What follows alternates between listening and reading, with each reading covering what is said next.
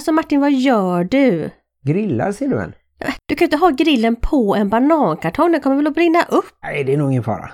Alltså du har tre olika sorters grillar och ändå står du på knä här inne på en banankartong och grillar på en elgrill. Ja, men jag har ingen gasol till den ena grillen och den andra tycker jag att det är lite klurigt att eh, veta hur lång tid det tar innan det blir bra glöd i kolen.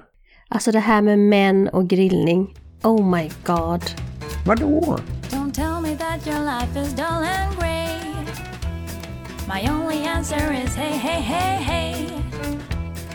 Let's go crazy in the wild, and if by chance we make a child, that just means that we're alive and healthy. Hej och välkomna till avsnitt 209 av Bonuspappan och Plusmamman, en podd om livet i en bonusfamilj med tyngdpunkt på föräldraskap och relationer. Vi sänder i samarbete med Hallands Nyheter, dagstidningen i Varberg och Falkenberg med omnejd. Världens bästa tidning. Alltså den borde egentligen heta Världens tidning, men den heter ju Hallands Nyheter helt enkelt. Vi har ju inte kollat om den har kommit ner i våran eh, nya brevlåda, men det borde den ju ha gjort. Mm. Jag brukar alltid stå där klockan fem på morgonen och hälsa tidningsbudet med en salut och nybakta kanelbullar. Och jag brukar ju läsa e-tidningen eller vara inne på webben www.hm.se eftersom jag är lite yngre och modernare än min nej, nej, nej, nej. Jag är så här vintage. Alltså, jag är som den yngre generationen som tar upp det gamla för att det är modernt igen. Aha. Så det är modernt att läsa tidningen i pappersform. Det är väl även modernt att ha ett diskussionsämne. Mm. Den här veckan tänkte jag, eftersom vi nu har kommit fram till det magiska året 6 i vår bonusfamilj. Alltså vi har varit en bonusfamilj fem år och är inne på vårt sjätte år. Och det var ju då som Stina sa att bonusfamiljen skulle sätta sig lite mer. Ja just det, Stina Pettersson som är med och driver familjeträdet AB nere i Ystad ihop med sin man Thomas som vi kallar Barken. Mm. Jag tyckte ju då när hon sa det för fem år sedan att det lät oerhört länge. Jag tänkte herregud, ska det ta så lång tid innan det liksom blir lite normalt i bonusfamiljen? Men nu så här i efterhand så, så kan jag faktiskt säga att hon har nog väldigt rätt. Och jag tänkte vi skulle prata lite om det. Hur det var i början, hur det var på mitten, hur det är nu och kanske pyttelite om hur vi kan gå vidare innan barnen flyger ut ur nästet. Ja, vi har ju inte så mycket tid på oss med det just. Men eh, det kan vi göra och så kan vi ju först... Vad menar du, ska de flytta snart eller? Det kan de ju faktiskt börja göra redan till hösten eftersom Saga som är äldst eh, tar studenten. Är det någon slags önsketänkande från dig som bonuspappa? Nej, hon får gärna stanna kvar och betala lite för mat och husrum. Det går också bra. Det kan vi prata om i ett helt annat avsnitt. Men innan dess så ska vi köra lite Hänt i veckan. Ja, du har ju fortsatt att fixa i ordning eh, huset och trädgården och så har vi haft lite gamla kompisar på besök också. Mm. Jag har dessutom blivit myrjagare av rang. Igår så hade jag upprört myrorna i mitt potatisland så att de hade helt sonika och med berått mod flyttat in i min gräsmatta. Så nu har jag varit ute och attackerat dem med funlight. Och det är ingen reklam tycker jag för att det verkar vara det som tar död på myrorna och jag tänker att om det tar död på vissa levande varelser, varför dricker andra levande varelser det? Jag undrade just vart saftflaskan tog vägen faktiskt, men då vet jag. Mm. Nej, men eh, vi får se vem som vinner, jag eller myrorna. Jag tror att de kanske har övertaget i antal individer åtminstone. Och så har jag sett att de har sin mjölkfarm. Alltså de placerar ut löss på olika ställen och så mjölkar de dem. Det låter ju De är väldigt som ett helt samhälle. Och de ska man då alltså klämma ihjäl med fingrarna. Alltså det är ju fruktansvärt äckligt att ha trädgård ibland. Men också väldigt mysigt. Vi har ju varit ute hela familjen och solat och eh, lekt och våran daghund har ju även varit en natthund den här veckan. Nessie sov över hos oss här om natten. Ja just det, hon eh, testade lite olika ställen inne hos eh, Lycke och eh, på soffan och sen så slutade hon uppe i våran säng. Ja, eller snarare i min säng. Jag vaknade i någon slags eh, dubbelvikt eh, tvärslående liggstil uppe vid huvudändan och med benen hängandes ut över kanten medan hon låg mitt i min säng. Ja. Men det är så som vi mammor sover. Jag har ju lång tradition av att sova dubbelvikt i och med att jag har haft mycket barn i min säng. Så att Mm. jag är van helt enkelt. Och som sagt eh, så känns det som att sommaren har kommit till Varberg. Det har varit oförskämt eh, varmt och fint här. Mm. Och jag har även fått flera plantor av olika sorters människor. Jag vet inte, är det som att, att jag har trädgård, har det på något sätt fått mig att få komma med i någon slags hemlig klubb där folk bara ger varandra sticklingar och mm. goda råd. Så kan det vara. Ja, jag är ju mer av en sån människa som klipper gräs. Ja, och det har ju fått ett eh, uppsving nu när vi har en riktig motorgräsklippare. Ja, jag känner mig väldigt eh, kraftfull när jag står där och kickar igång min gräsklippare och bara rum, rum, rum. ja, den behöver man ju inget körkort heller. Var du tvungen att säga det så här Nej. i podden? Alla kanske inte vet att jag inte har körkort. Men jag har inte körkort och jag har faktiskt klarat mig väldigt bra. Däremot så har jag haft dåligt inflytande på vår äldsta dotter som inte har velat ta körkort. Och det känns ju lite så här dubbel, eh, vad heter det, dubbelmoraliskt att eh, jag då själv inte har körkort men tycker att hon borde ta körkort. Ja, just det.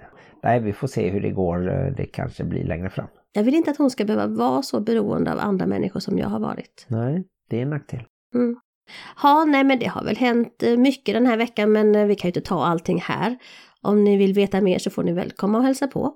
Vi har fått en väldigt stor fasadsiffra i alla fall. En nästan en meter hög fyra pryder numera våran vägg. Ja, den var fin med våra namn inne i eh, siffran kan man säga. Mm, så nu måste vi bo kvar här för alltid. Ja då, det är jag med på. Och alla de som står där inne i fyran måste också bo kvar för alltid. ja, vi får väl se hur det blir. På tal om de människorna som stod där inne så var det ju våra barn, eller mina barn är det ju faktiskt. Jag tänker att det är lite speciellt i bonusfamiljer det här med att det har varit mors dag. Alltså vem ska man fira? Du har ju inte kommit på förrän nu, ungefär fem, sex år in i vår bonusfamilj, att du faktiskt kan hjälpa mina barn att fira mig på mors dag, även om inte jag är varken din mamma eller dina barns mamma. Nej, det har väl lite att göra med att vi inte har haft den traditionen hemma när jag växte upp. Att fira just eh, namnsdagar eller mors dag och fars dag. Mm, men jag tror inte att det är helt ovanligt ändå att det ändå vajsar sig lite i bonusfamiljen. Jag kommer ihåg när barnen var väldigt små, då kanske jag påminde dem lite om att ah, men det är fars dag och sådär. Men det är inte alltid som jag känner att det är mitt uppdrag i livet att hjälpa mina barn att fira sina pappor. Det tänker jag att de pappornas nya partners kanske kan stå för. Så att jag tycker nog att om du lever i en bonusfamilj så, och är en vuxen så tycker jag att hjälp era barn att fira mammor och pappor och varför inte fira bonusmamma och bonuspappa också? Vi har ju en speciell dag i vår familj när vi firar bonusföräldrarnas dag och det är ju den 29 december.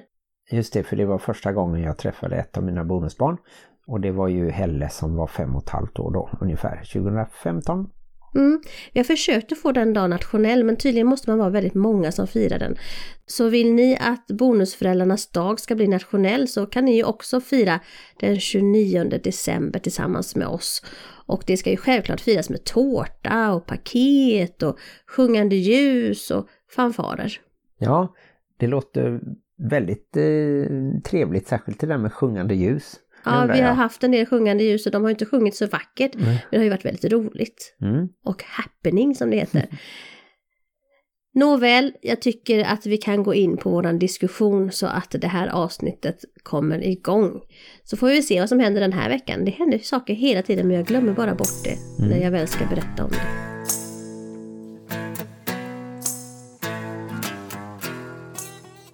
Vet du att jag drömde om att vi spelade in podd? Nej.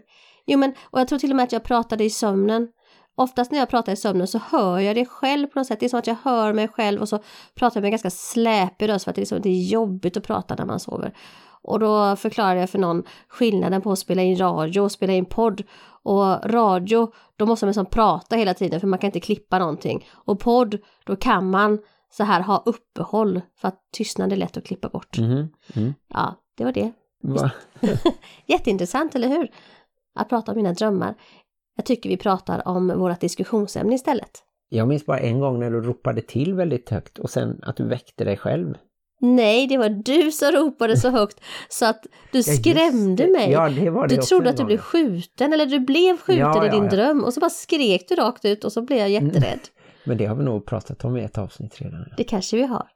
Ni som kommer ihåg det kan ju skriva till Martin och undra ifall han är lite dement.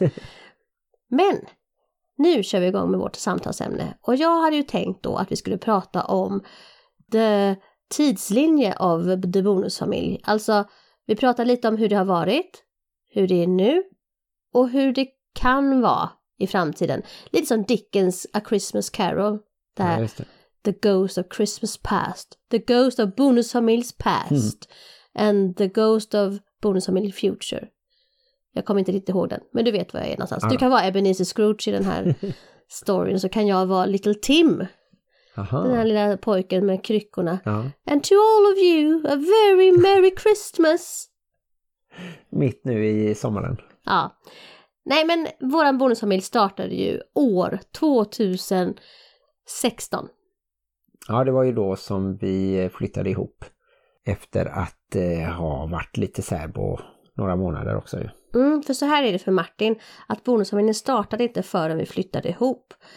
Det vet ni som har följt den här podden, att han tycker ju inte riktigt att det är en bonusfamilj när man är särbo. Men det tycker ju jag och alla andra bonusfamiljer som är särbo, att det också är en bonusfamilj. Men för oss så började den första juni 2016 när vi flyttade ihop. Ja, och det var då som vi eh, fick ett litet eh, radhus, inte fick utan fick börja hyra av Varbergs bostad. Mm. Och där hade vi ju faktiskt inte plats för alla. Och det är ju också en sån här grej i bonusfamiljer att det kan vara svårt att hitta dels ett ställe där alla får plats. Och det så har man ju den här grejen, ska vi bo hos mig eller ska vi bo hos dig? Ska vi starta något eget tillsammans? Och du och jag har ju tyckt att det faktiskt var väldigt bra att vi startade om tillsammans.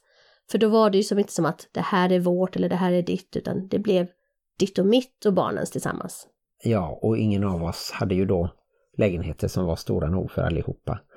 Och i början så hade vi ju lite olika rumsuppdelning sådär. Jag tänkte säga att den lägenheten var inte heller stor nog för oss allihopa, men det är ju en senare fråga. Ja, nej det blev den ju inte sen när eh, vi började få heltidsanställda barn.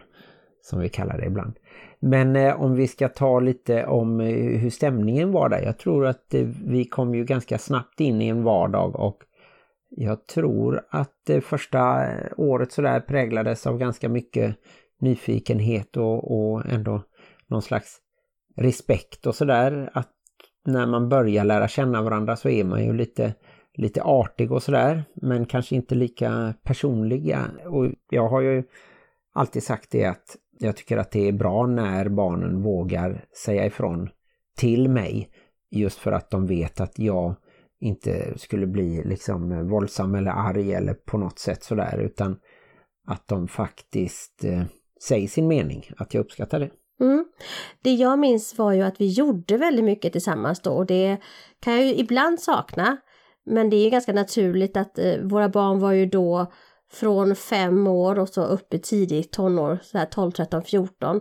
Och då är det ju även i vanliga kärnfamiljer mer så att man kanske gör saker hela familjen. Och nu när våra barn då är 11 den yngsta och eh, 17, 18, 19 de tre äldsta, så är det inte alltid vi gör saker tillsammans, även om det faktiskt händer också. Men det präglade det första året tycker jag. Vi var på picknickar tillsammans, vi var och badade, vi åkte på semestrar och ja, vi gjorde mycket tillsammans och det tycker jag är ett tips för bonusfamiljer att försöka hitta på det behöver inte vara så jätteextravagant utan bara att man är tillsammans och bildar det här som man kallar för familjekultur och känner på varandra lite under leksamma förhållanden. Jag tror det var din pappa som också föreslog det när vi intervjuade honom att hitta på saker, sporta tillsammans och vara ute tillsammans och så. Mm, ja, men det tror jag också funkade och det passade väl oss i alla fall att eh, dra igång ganska intensivt ändå på något sätt. Och då bodde ju de tre äldsta varannan vecka i princip. Eh, så de bodde hos sin pappa och sen började ju Helle bo varannan vecka hos sin pappa. Hon har ju en annan pappa. Mm. Och eh, då kan man ju också köra den här grejen att då hade vi ju barnfria veckor som vi då kallar för barnlösa. Eftersom vi ville poängtera att vi inte är fria eller lediga utan vi är föräldrar som just nu inte har våra barn närvarande.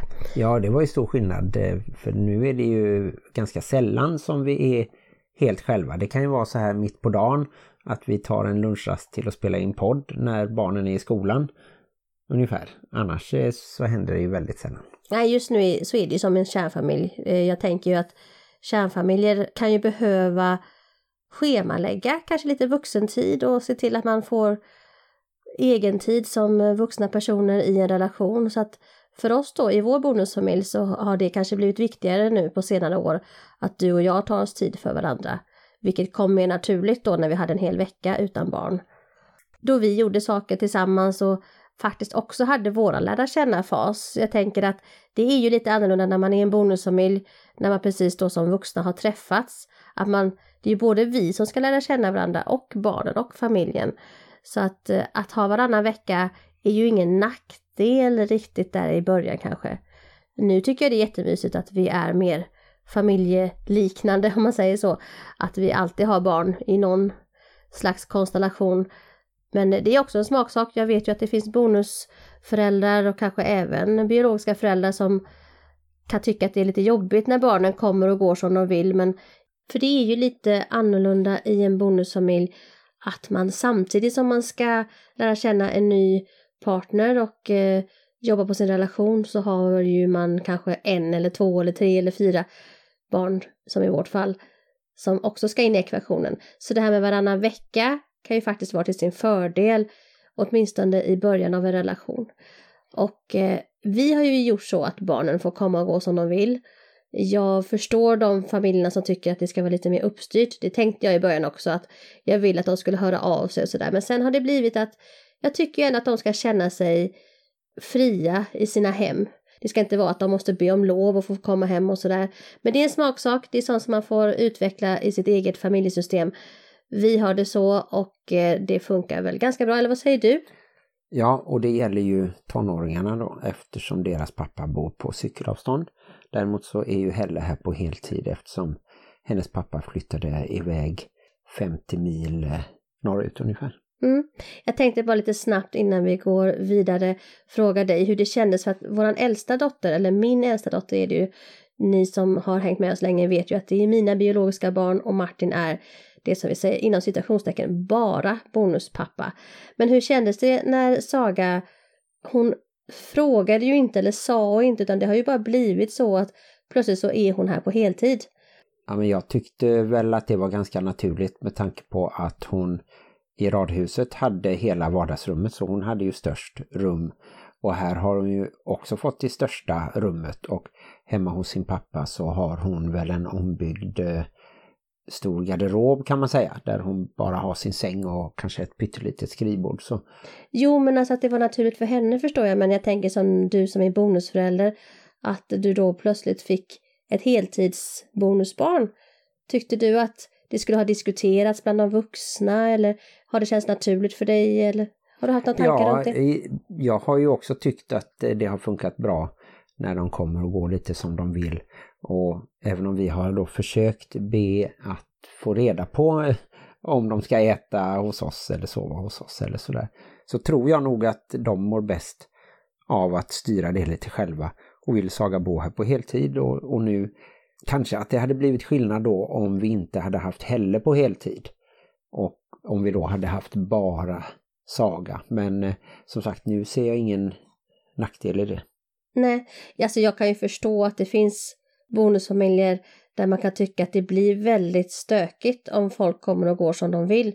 Men det är som med det som med alla andra frågor att man får komma fram till sin egen lösning. Vi pratar ju bara utifrån vad vi har gjort i vår familj och det är inte så att det skulle funka för alla. Och vi är ju inga experter, vi är helt vanliga människor. När man sticker oss så blöder vi. ja, vi har inga utbildningar inom det psykologiska fältet eller så. Nej. Om vi då ska fortsätta på våran Dickens-saga. Jag kommer ihåg att man ska ha någon sån här moralisk eh, lärdom av det förflutna. Har du någon lärdom som du tar med dig från det förflutna? Någonting som du tänkte att ah, det där kunde jag ju ha gjort bättre eller annorlunda? Ja, det finns säkert jättemycket saker som jag hade kunnat göra bättre men jag vet inte, jag tycker nog att jag ändå har backat i vissa sammanhang och eh, jag inte har kanske satt gränser på det sättet som jag kanske skulle önskat eller som jag trodde hade varit bra. Men jag tror att det också har funkat att jag har liksom fått lita på ditt sätt eftersom du känner barnen bäst och eh, till exempel då om jag hade velat vara lite hårdare med att ha speciella diskdagar eller sådär som vi försökte lite i början så tror jag att du nog har haft rätt i, i längden här att eh, det kanske ändå inte hade funkat utan att vi får bjuda på det de här få åren som vi har dem att vi har ganska mycket service. Och så vet vi ju att de kan ju laga mat om de vill och det gör de ju ibland också. Och därför kommer de säkert klara sig själva den gången de har en egen lägenhet eller flyttar ihop med kompisar istället för att bo kvar här. Så att eh, jag tror nog ändå att det, känslan har varit så att jag kanske har velat flytta fram gränserna lite med, men att du har hindrat det lite och att det nog kanske har varit bra. Ja, och jag tar väl med mig det. Jag kan ju tänka så här att jag backar ännu längre tillbaka. Jag backar tillbaka till min förra bonusfamilj. Och det som jag gjorde som var lite tokigt då var nog att jag hade för bråttom. Jag hade för bråttom att jag skulle bli en förälder till min bonusson och att det skulle vara regler och ordning och reda och struktur och jag tror att jag la lite för mycket energi på att det skulle vara på ett visst sätt istället för att jag i så här efterhand hade nog velat lägga mer tid på att bara vara med min bonusson, alltså bara liksom bli kompis med honom och, och känna liksom det här, stärka våra band mer. Nu har jag ju haft sån tur att han fortfarande finns i mitt liv, även om hans pappa och jag har gått isär och vi har kunnat hela vår relation lite så här i efterhand.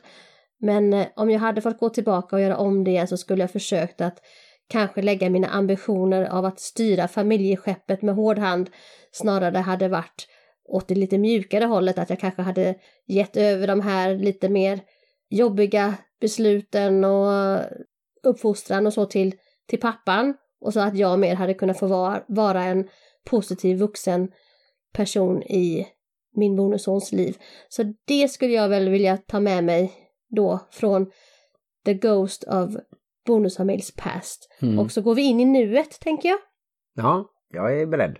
Och nuet tycker jag ju är förfärligt skönt. Förfärligt och skönt, kan man ha det i samma mening? ja, det verkar så. Ja, eller det är väldigt skönt just nu. För nu har vi stort hus med plats för alla. Alla har varsitt rum och vi har en stor trädgård där man kan vara ute.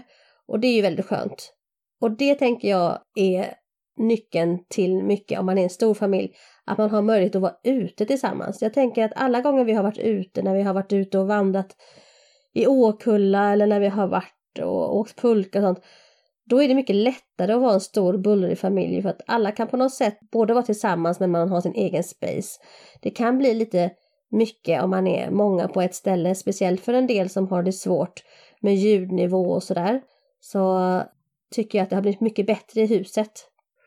Ja, och det känns ju fantastiskt att eh, barnen också kan ha lite större utrymme så att de kan ta hit kompisar kanske på ett annat sätt än det var tidigare när vi bodde ganska hopträngt i lilla radhuset här. Mm. Och vad satsar vi på just nu? Vad är det vi liksom tänker på nu för att ha det bra och behagligt tillsammans? Och då tänker jag själv så fortsätter jag att satsa på det här med att okej, okay, jag tänker inte jaga alla för att vi ska sitta ner tillsammans alltid, utan jag tänker jag njuter av när vi är samlade, jag ger barnen möjlighet att komma hem, liksom, nu äter vi den här tiden. Jag försöker ändå ha, men vi äter varje kväll, antingen mm. sex eller sju. Mm. Och då vet de det och de vet att de alltid är välkomna. Men det blir inte det här att jag liksom jagar runt efter dem utan jag mer tänker att ah, men jag, jag, jag lagar mat för dem som är hemma och kommer den till så slänger vi fram en tallrik till, det är bara så. Ja. Jag har släppt på det lite grann och då blir det mer behagligt när man inte blir arg för att ofta så är det Kanske att man som vuxen har bestämt en sak och så blir man arg för att det inte efterföljs. Och vem är det jobbigt för? Jo, det är jobbigt för mig. Så att det är väl en sån sak som jag har eh, tänkt? Vad har du tänkt? Som du tycker att du har gjort bra eller annorlunda eller sådär i nuet? Nej men jag tror att jag tänker så här att jag kan inte påverka tonåringarna så mycket längre. De är ju på väg att eh, liksom bryta sig fria från sina två ursprungsföräldrar, de två biologiska föräldrarna. Och då måste jag ju också komma in där på något sätt att de bryter sig fria från mig också. Och det kan ju vara på olika sätt. Eh, de kan ju markera att de inte vill vara en del av vårat umgänge kanske när vi ska träffa våra kompisar och det förstår jag för det är inte kul för dem och sådär. Och eh, jag tror att jag försöker släppa det men samtidigt så är ju det också en balansgång där för jag bryr ju mig om dem och jag tycker det är kul när vi övningskör till exempel eller pratar om skolan och sådär och att jag blir lite indragen i olika diskussioner så jag får uppleva deras värld lite grann och så. Men jag tror nog att jag lite har gett upp så att säga. Eh, eller i alla fall släppt de ambitionerna att jag ska kunna påverka särskilt mycket. Det kanske låter bättre om du säger att du har släppt taget. För det ska man ju göra som eh, tonårsförälder. Man ska försiktigt släppa taget så att de kan flyga och, och ja, ta sig fram i livet på egen hand. Så att eh, vi har väl inte gett upp det lätt så dramatiskt utan vi försöker båda två släppa taget och det tänker jag är viktigt att man kommer ihåg att även i en kärnfamilj så behöver du släppa taget om tonåringarna för att de ska kunna klara sig. Det är precis som att du kan inte öppna ett kycklingägg för då orkar inte kycklingen leva sen för den har inte fått de musklerna de behöver. Mm. Och det får de när de knäcker hål på ägget själv. Och det är lite samma sak att gör vi allt för våra barn så kommer de inte att orka vara där ute i livet sen. Så lite får vi ju pusha dem och lite får vi hjälpa dem. Det är en balansgång och det är svårt att veta var den går och var den börjar och var den slutar. Och just i bonusfamiljer så tänker jag att det kan ju vara så att bonusföräldern ser det med lite mer nyktra ögon kan man säga. För den biologiska föräldern så kanske man fortfarande ser en liten bebis, inte, man ser inte en liten bebis men lite mer sådär man har den här, det gör ont i hjärtat när det gör ont i ens barn. Och då kan det ju vara så att en, en bonusförälder faktiskt kan gå in och säga att Nej, men nu, nu är det dags för dem att klara sig själva. Och det kan ju vara positivt, men just i det ögonblicket så kanske det blir lite så här mellan den biologiska föräldern och bonusföräldern. Men jag vill bara skicka med att båda två har både rätt och fel. Förstod du vad jag menade? Eller båda har rätt, ingen har fel, menar jag. Kör! Jo men det tror jag så måste det nog vara oavsett om man eh, lever i kärnfamilj eller bonusfamilj.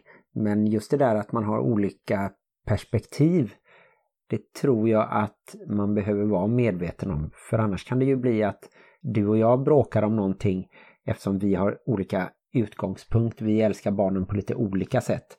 Och jag tror att kanske en del biologiska föräldrar behöver få en liten knuff bort från det mest liksom intensiva curlandet. För det är ändå så att eh, undersökningar visar att barn som både tar ansvar hemma och samtidigt får hjälp med allting från skoluppgifter till vardagsgrejer eller ja som övningskörning eller vad man nu har för projekt sådär. Det är de som mår bäst och klarar sig bäst.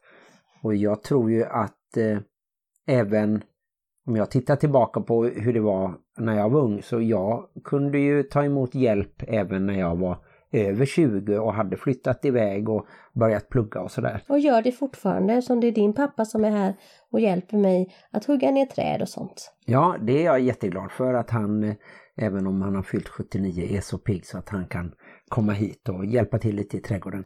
Ja, men det är det jag säger, precis som du säger, att i en bonusfamilj så kanske man kan faktiskt nå fram till just det som du säger. Man har det här curlandet från den biologiska föräldern då om man säger så. Vi kallar det för curlande. Och så har man lite mer framåtanda från bonusföräldern. Och tillsammans så blir det det bästa. Det ena är inte så bra bara den och det andra är inte så bra bara den. Men tillsammans så blir det jättebra. Det kan vi hoppas och sen beror det nog väldigt mycket på ens egen personlighet som förälder. Det skulle ju kunna vara så att man curlar sina bonusbarn och så att den biologiska föräldern är väldigt pushig beroende på hur han eller hon har växt upp, vilken typ av föräldrar då man hade när man var ung, om det var föräldrar som ställde höga krav och ville att man hjälpte till mycket hemma till exempel eller var väldigt aktiv i att söka sommarjobb eller liknande sådär. Mm. Men vilka var det som hade det sämst? Jag kommer ihåg att det var de som fick ansvar men också fick hjälp. Det var de det gick bäst för. Det blir ju de som eh, är tvärtom. De som inte behöver ta ansvar för någonting hemma men sen samtidigt inte får något liksom engagemang och hjälp i skolan och sådär. Så de som var näst framgångsrikast, det var de som Bara curlades. bara, bara curlades. Så att, ja men vi, vi är okej ute, känns det som. Vi kommer att klara det och barnen kommer säkert också att klara sig. En sista sak som jag skulle vilja skicka med från nuet då. Spöket av The Christmas Nu. Jag kommer inte riktigt ihåg den här sagan känner jag. Det är det här med att när man har känt varandra ett tag då kanske man liksom inte alltid, du nämnde det här att man var väldigt artig i början och lite försiktig och så. Mm. Man kanske inte är lika gulligulliga mot varandra hela tiden, utan man faktiskt kan bli lite sura på varandra och kanske, ja, du vet hur det är. Det är de som man har allra närmast, det är de som man oftast kan visa alla sina känslor för. Och just i en bonusfamilj så kanske det känns lite så här, men eh, ja, lite obekvämt. Men jag tycker att man ska faktiskt se det som en komplimang och en fördel eller ett bevis på att man faktiskt har blivit nära är att man kan vara ovänner och att man kan vara sura på varandra ibland. Så att just att det inte är så hunky dory precis alltid är ett tecken på att det är sunt. Ja, och där tror jag också att eh, du kan reagera ganska kraftigt när du hör på min röst att jag är lite bestämd mot Helle som var fem och ett halvt när vi träffades och nu har fyllt elva och sådär. Och jag tror ju att hon behöver, utan att jag liksom höjer rösten på något sätt, utan att man måste markera att ja, men nu måste du gå in och börja borsta tänderna och göra det i ordning för att antingen lägga dig eller åka till skolan så att du hinner till skolan och så vidare. För annars flummar hon runt så mycket. Men du kan bli lite orolig att våran relation blir lidande av att jag så att säga inte alltid bara håller på och gullar och busar och, och spexar och sånt som också är en stor del av våran relation tror jag. Mm, nej men precis. Så att både den biologiska föräldern kan tänka så här att okej, okay, min partner och mina barn är inte alltid sams, men hur ser det ut överlag? Mår vi bra överlag? Känns det okej okay i helheten? Då är det som det ska vara, att man ibland kan gruffas lite. Sen det är klart att om det alltid är gruff och aldrig är trevligt så kanske man måste jobba på det. Men annars är det kanske ett sundhetstecken att man vågar vara alla sina varianter av sig själv tillsammans hemma i sin familj. Att det är väldigt bra så här efter fem sex år som vi har det. Och då tvärtom också att bonusföräldern också tänker på att ja, men vi får ju en del brev från dem som tycker att ah, men mina tonårsbarn de är så oartiga och kaxiga och otrevliga.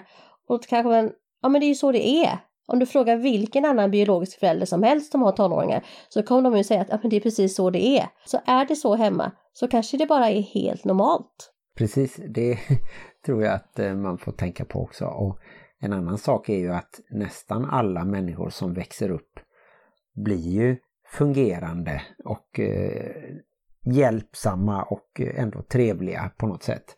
Så jag tror att man ska inte oroa sig för mycket att någon som är 18-19 har lite dåliga dagar eller lite lägre initiativkraft eller vad det kan vara så. Mm. Det är ju det här med att de ser ut som nästan vuxna människor och så är de fortfarande barn. Det kan ibland mindfucka en som jag brukar säga. Mm. Att man tror att de är vuxna fast de inte är det än. Eller tvärtom, att man tror att de fortfarande är barn fast de börjar bli vuxna. Då är det kanske dags att vi går in på framtiden. Är du beredd för framtiden Martin? Nej, jag vet inte om jag, om jag är det. Men jag tror ju att eh, barnen trivs bra här och eh, får de jobb i Varberg så finns det ju kanske inte någon jättestor mening att de flyttar iväg. Det är dessutom ganska svårt att få lägenhet och ganska dyrt här tyvärr i Varberg. Särskilt jämfört med hur det var för bara 15-20 år sedan. Mm. Eftersom vi inte kan förutsäga framtiden så får vi ju bara spekulera lite. Jag tänker att en sak i en bonusfamiljs framtid, det kan ju vara det här att, som du säger, vad händer om inte barnen får jobb? Vad händer om de inte får bostad?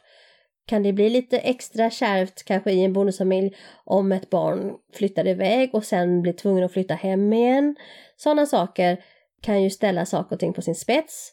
Och då gäller det ju igen då kanske att omvärdera hur ser nuet ut? Vart är vi på väg? Okej, barnet flyttar hem igen men det är inte meningen att det ska vara hemma för alltid. Och hela den här grejen så att man inte bara faller in i att bli så här domedagspredikande och tänka att det här kommer gå åt helvete bara för att ett barn flyttar hem igen. Jag tänker som bonusförälder så kan det ju vara lite extra jobbigt. För jag vet även de som lever i biologiska familjer att när de flyttar hem igen, man känner verkligen att det inte är meningen. Alltså man ska inte flytta hem till sina föräldrar. Men ibland så finns det ju omständigheter som gör att man blir tvungen. Och då får man ju gilla läget. Tycker jag. Vad tycker du? Jo, men där är vi överens tror jag. Och sen så får vi se om vi även är överens med hur länge barnen kan bo kvar och sådär. För att till slut så kommer man till en gräns där det kanske inte är en fördel längre. Och där man eh, faktiskt behöver bli vuxen och klara sig själv.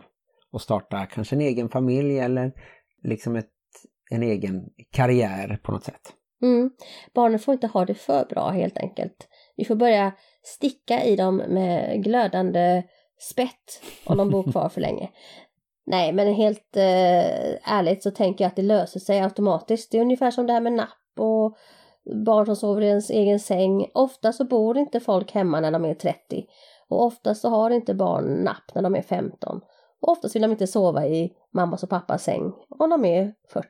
Mm. Men så att vissa saker kommer säkert att lösa sig själva. Vissa saker kommer vi inte ens att förstå att det skulle bli ett problem i framtiden. Men eh, jag har en annan tanke och det är ju det här i framtiden så kommer det kanske komma barnbarn. Då blir det som bonusbarnbarn för dig. Och då får du vara med från början på ett annat sätt.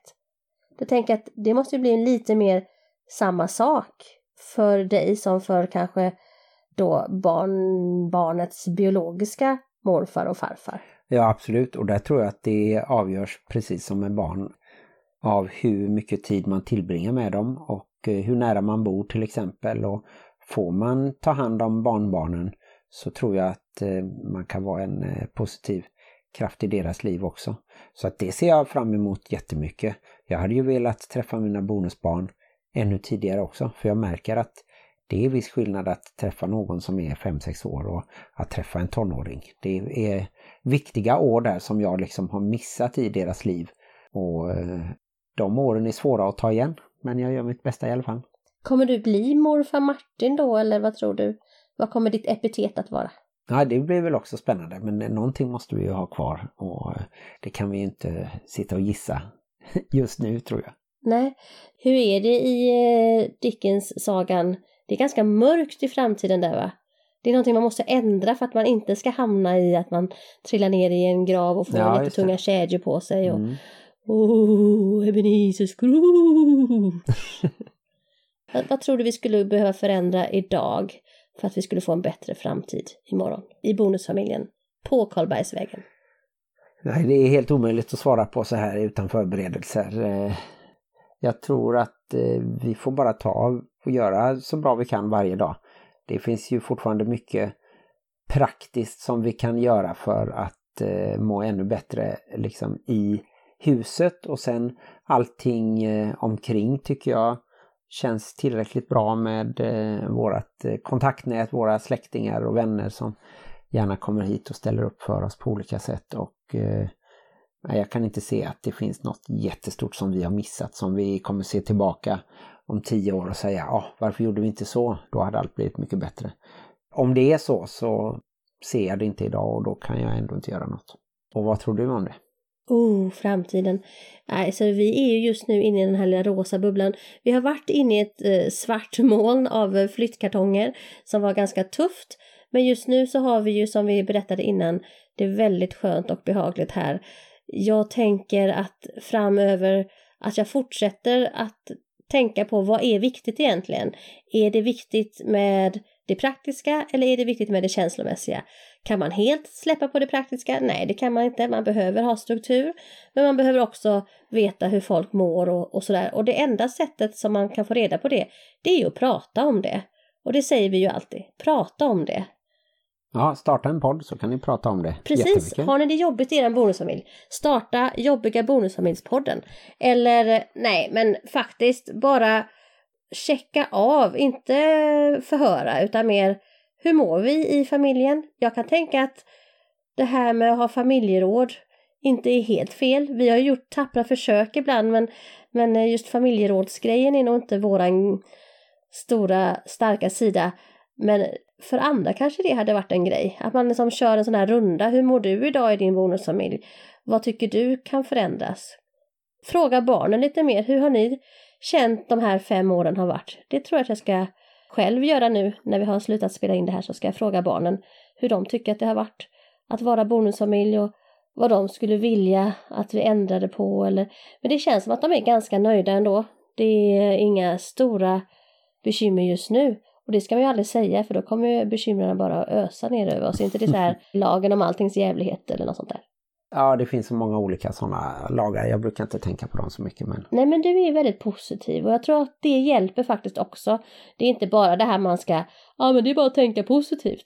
Men jo, lite är det så. Tänker man positivt så kan det faktiskt ändå bli lite bättre än det är ifall man tänker negativt. Ja, vi kan, vi kan enas om det tror jag. Ja, det är härligt. Det är sällan vi enas. Vi är alltid osams. Vi hatar alltid varandra. Va? Nej, så är det inte. Men det kan vi väl också skicka med att det inte är farligt att tycka olika. Nej, absolut inte. Det, det kan vara kul att diskutera ibland till och med. Ja, om man bara respekterar varandra och inte tänker så att så här är det och på inget annat sätt kan det vara. Då kan det vara tufft om man tycker olika. Men om man bara inser att vi är olika, vi kommer från olika håll och vi är en brokig skara människor som på olika sätt har hamnat i samma familj och ska försöka leva tillsammans. Då blir det lättare. Det blir enklare om man accepterar varandras olikheter. Mm. Lycka till med er framtid också.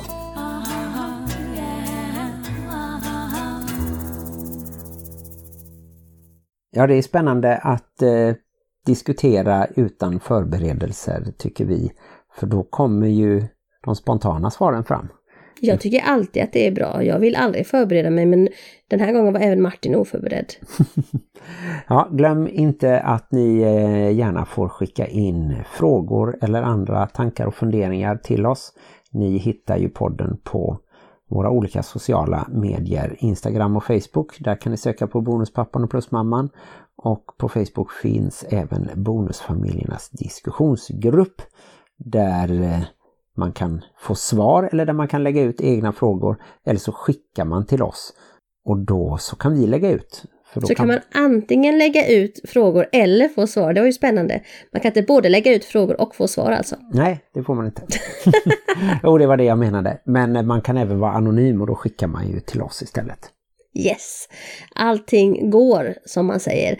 Och vill man mejla till oss så är det på bonuspappan.plusmamman gmail.com.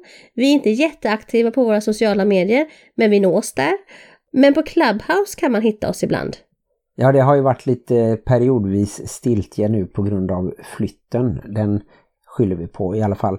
På Clubhouse har vi ju ett rum som heter Bonusfamiljsnack på onsdagar klockan 20.00. Så där kan ni titta in och sen så händer det ibland andra roliga saker på Clubhouse också. Det är ju en eh, ganska ny app som tog fart någon gång i februari i Sverige tror jag. Och jag tror den har kommit för Android också. Men ni får titta i eran App Store eller Google Play eller vad det heter för Android. Nej men jag skyller mer på att jag håller på att bli vuxen. Nu bor jag i hus, jag gör vuxensaker, jag klipper gräsmattor och häckar, jag håller fint och städat, jag våttorkar golven och sådana där saker. Så jag har inte tid med sociala medier som jag hade förr i min ungdom. Alltså för två månader sedan. Nej, det är härligt att du håller så fint här hemma.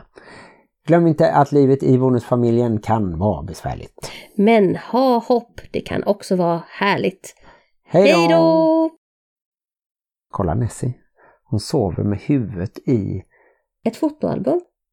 Och nu, och nu väckte vi henne. Nu hörde hon sitt namn fast hon kanske somnar igen.